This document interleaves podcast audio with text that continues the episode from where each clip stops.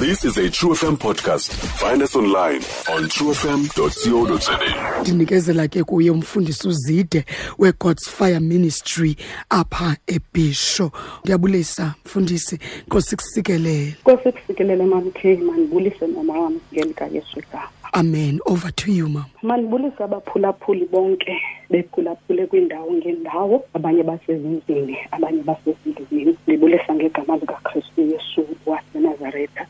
Ndingumama uzide egamani likaYesu Kristu waseNazaretha ngale mini yanamhlanje ngiyibulela uThixo ondinika ithuba. Ndibulela uThixo ondivulele umnyango woba ndisondele ukuze ndithethe ukutsho kwakhe. Andizuthatha thuba emamkheyi kodwa ndizothetha le nto. Uthixo ayibekileyo kum namhlanje ndibe sendisala phaa mayibongwe nkosi kwincwadi kaloku uchapter 23 sofunda kuvesi 12 uherode nopilato baba ngabahlobo ukusukela loo mini ngaphambi koko babezitha kule ncwadi kaluku ephysician edoctor sifumana uyesu esisiwa kupilato ngenxa yezityholo pilato lowo according to the word of god or according to the bible wayeyirhuluneli kwelakwayuda wayephantsi okanye wayekulawulo lukatibhuriyo kesari ngupilato lowo owema kwityala likayesu ikwanguye esivayo uba wanika igunya lokuba uyesu abethelelwe enqambizweni ndide ndibe ngaka ndide ndibe kule minyaka ndikuyo namhlanje ndiyamangala. Andikaze ndihlangane nento enje ngale phathi yale gospel kaluko. Mayibongwe inkosi baphulaphuli emakhaya uvesi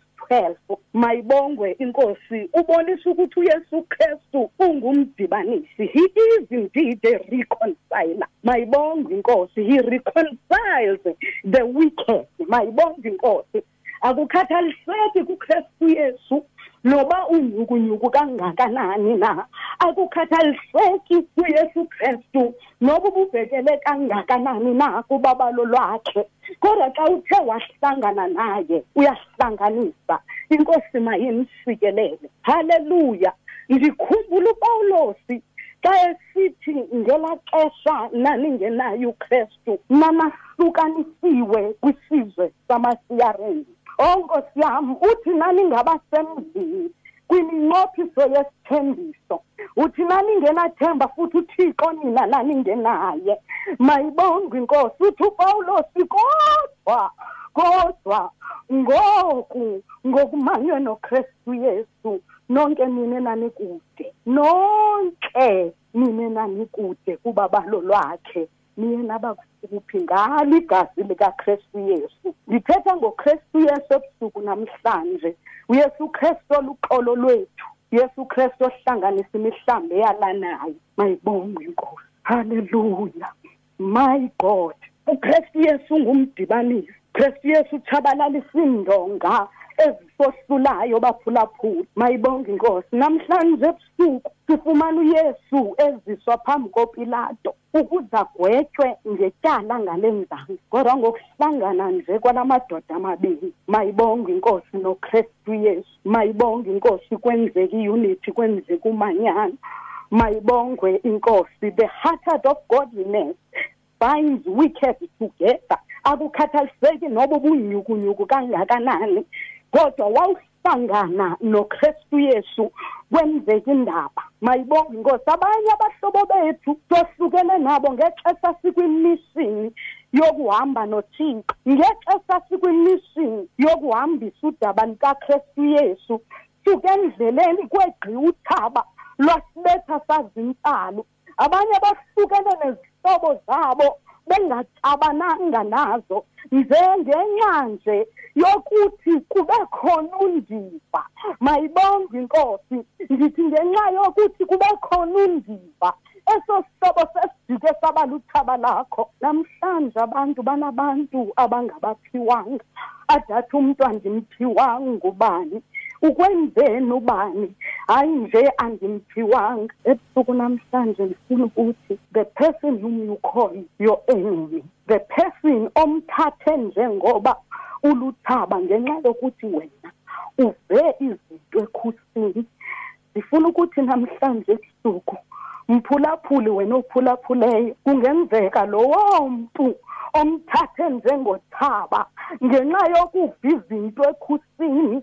Ngulo uphethe isonka sakho semihla ngemihla kodwa ndifuna ukuxelela into enye ngeke waze waxhamla kulo daily bread mayibongwe inkosi ngoba lo mntu uyiphetheyo mayibongwe inkosi ngulo mntu sowuthethe kakubi ngaye mayibongwe inkosi ngulo mntu sowum-accusile falsely mayibongwe inkosi ngulo mntu sowucreate false folder poisonous files ngaye. Ingakho sowuke wanyamezela. Kudala uzama uthi ndifuna ukusondela.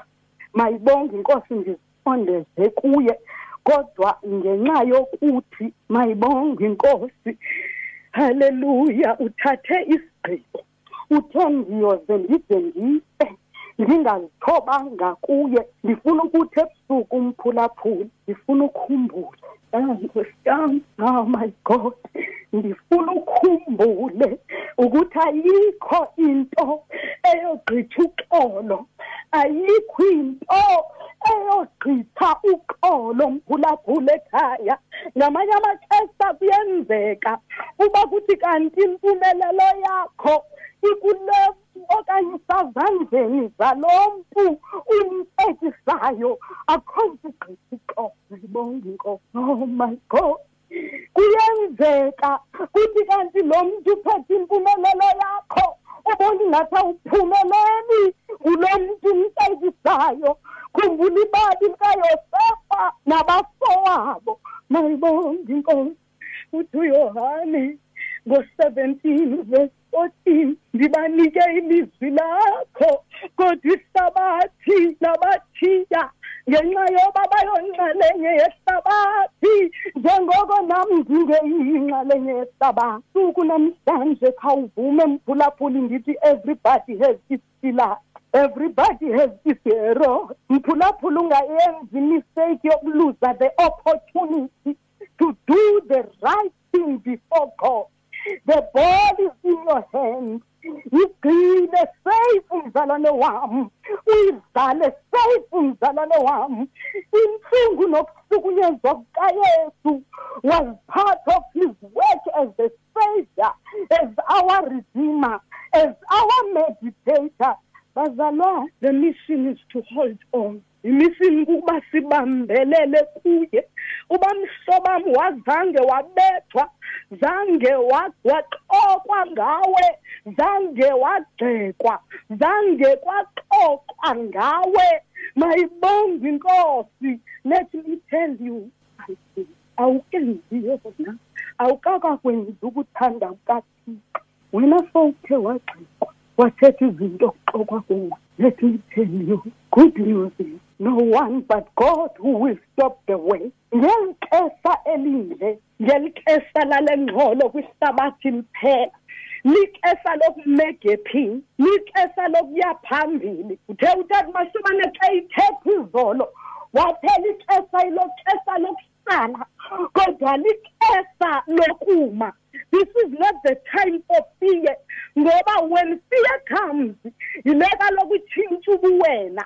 Jesus never feared anything. Haleluya wena uyerede nabalindi bakhe bemthoba isidima besekisa ngaye bemhlupha wayengoyiki xa ndicinga nje in my mind in my own knowledge kwakukhona wayesanda umntu wakhe wangaphakathi. Mayibonge inkosi akathanga ngokuhlukunyezwa. Wayeka uba ngumdibanisi usuke wathi kuloo meko wayekuyo wabona i-opportunity to perform duty to do the will of god intlungu yokubethelela kwakhe emnqamlezweni. Yiyo eyeza noxolo nempiliso ehlabathini kwakule ncwadi kaluke uchapter twenty-two verse fifty-one. Halleluya nanku uyesu ephilisa indlebe yendoda eyayizombamba mayibonge inkosi. Wayazi kungekenzeki wayazi ukuthi le ndoda is going to arrest him kodwa ubone i-opportunity. Ngale mpimbi iza kwenziwa yile ndoda mayibonge iyokhosi esemnqamlezweni ubuka indalo kayise. Uthakujonga abamngqongileyo abone usizi. Uthi bawo baxolele kuba bengakwazi abakwenzayo. Oh my god. Halleluya baba ngabahlobo because of the grace that was provided by Jesus. Nkosi yam. igrace eyasusa umsanta phakathi owawuphakathi kwalamadoda Nkosi yam. Ayibonge inkosi. God knows your story. Don't be discouraged in Pulapuli. Don't be dismayed in Pulapuli. Because of your calling you will be opposed. Ngenxa yalento uThixo akunike yona. Ngenxa yalento isesandleni kuwe you will be opposed.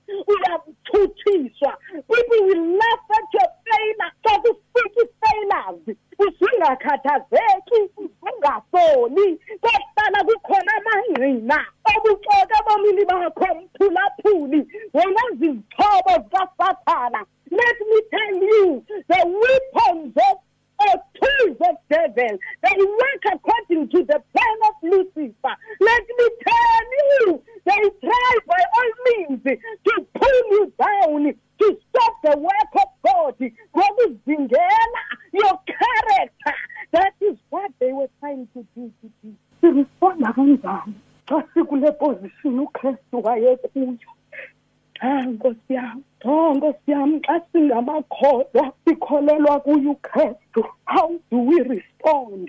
Xa sikule position uKristu Yesu wayekuyincwadi yezikronike zesibini chapter 20 verse 17 wenza kanjani xa ungazi ukuthi wenze kanjani? Mayibonge inkosi wenza kanjani xa ungazi ukuba wenze kanjani? Mayibonge inkosi uthi nani icebo uthi second chronicles nani icebo uthi uthixo khomba ngenduku yena vululwandle mayibangwe inkosi uthi gcwalisa imiphanda yena enziwani uthi jikeleza injonga yena zidilize uthi susilike yena vusulazana ye mastata zethu bambelela kwisithembiso sikholo sisazi ukuthi in the long run truth will prevail. Asinawo amanye amacebo esiwenzayo to prove our innocence. I remember the story of a lady apho kwakuxokozela endaweni ngenxa yemini seyayibekiwe kuye uthi ndathi kulo uzomxelela ulwimi let them talk. Uthi zangadane waphinde wabuya wathi ndiza necebo. Mamela bahlanganise eholweni and give them food parcels. Uyobe ubavale umlomo ngokwenza njalo.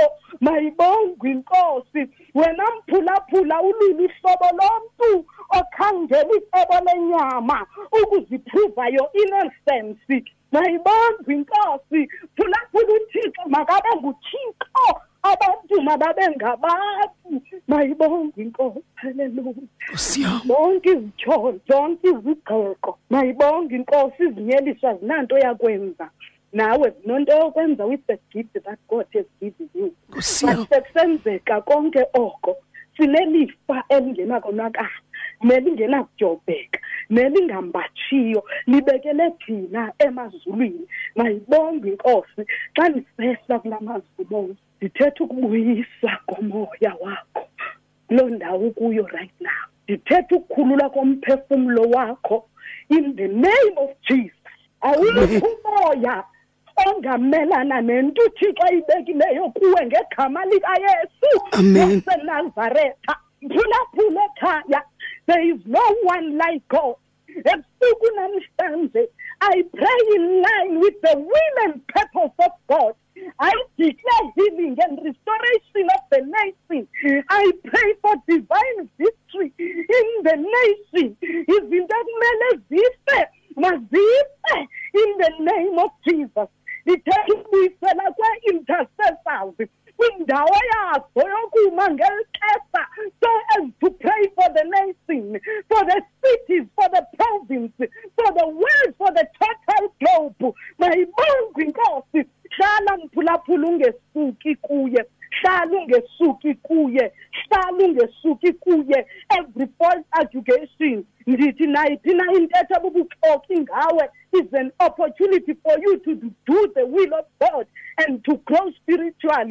spiritually ndiyaphinda don't be discouraged don't be dismayed don't be fooled by the devil. Amen. Thixo uyalazi ibali lakho hlala ungesuki kuye. Nkosi yam bambelela kuyo just take an opportunity. Ngento ngayo efikayo ebomini bakho ezobundiki ubomi take the opportunity to stand up umise icebo likayesu uh, mayibonge inkosi that stand up and do the will of god and do the purpose of god mayibonge inkosi Amen. ungasuki kwindawo yakho yokulinda ngenxa ye-opposition mayibonge inkosi amen Shilo that you will be opposed because we are called, because of your calling, because of what you have. You have in your hand. Wakwathi umfundisi wami ngenye imini, We've got something ezandleni zethu. We've got a signing board. That is why sivondwa. Mayibonge inkosi. That is why silingwa.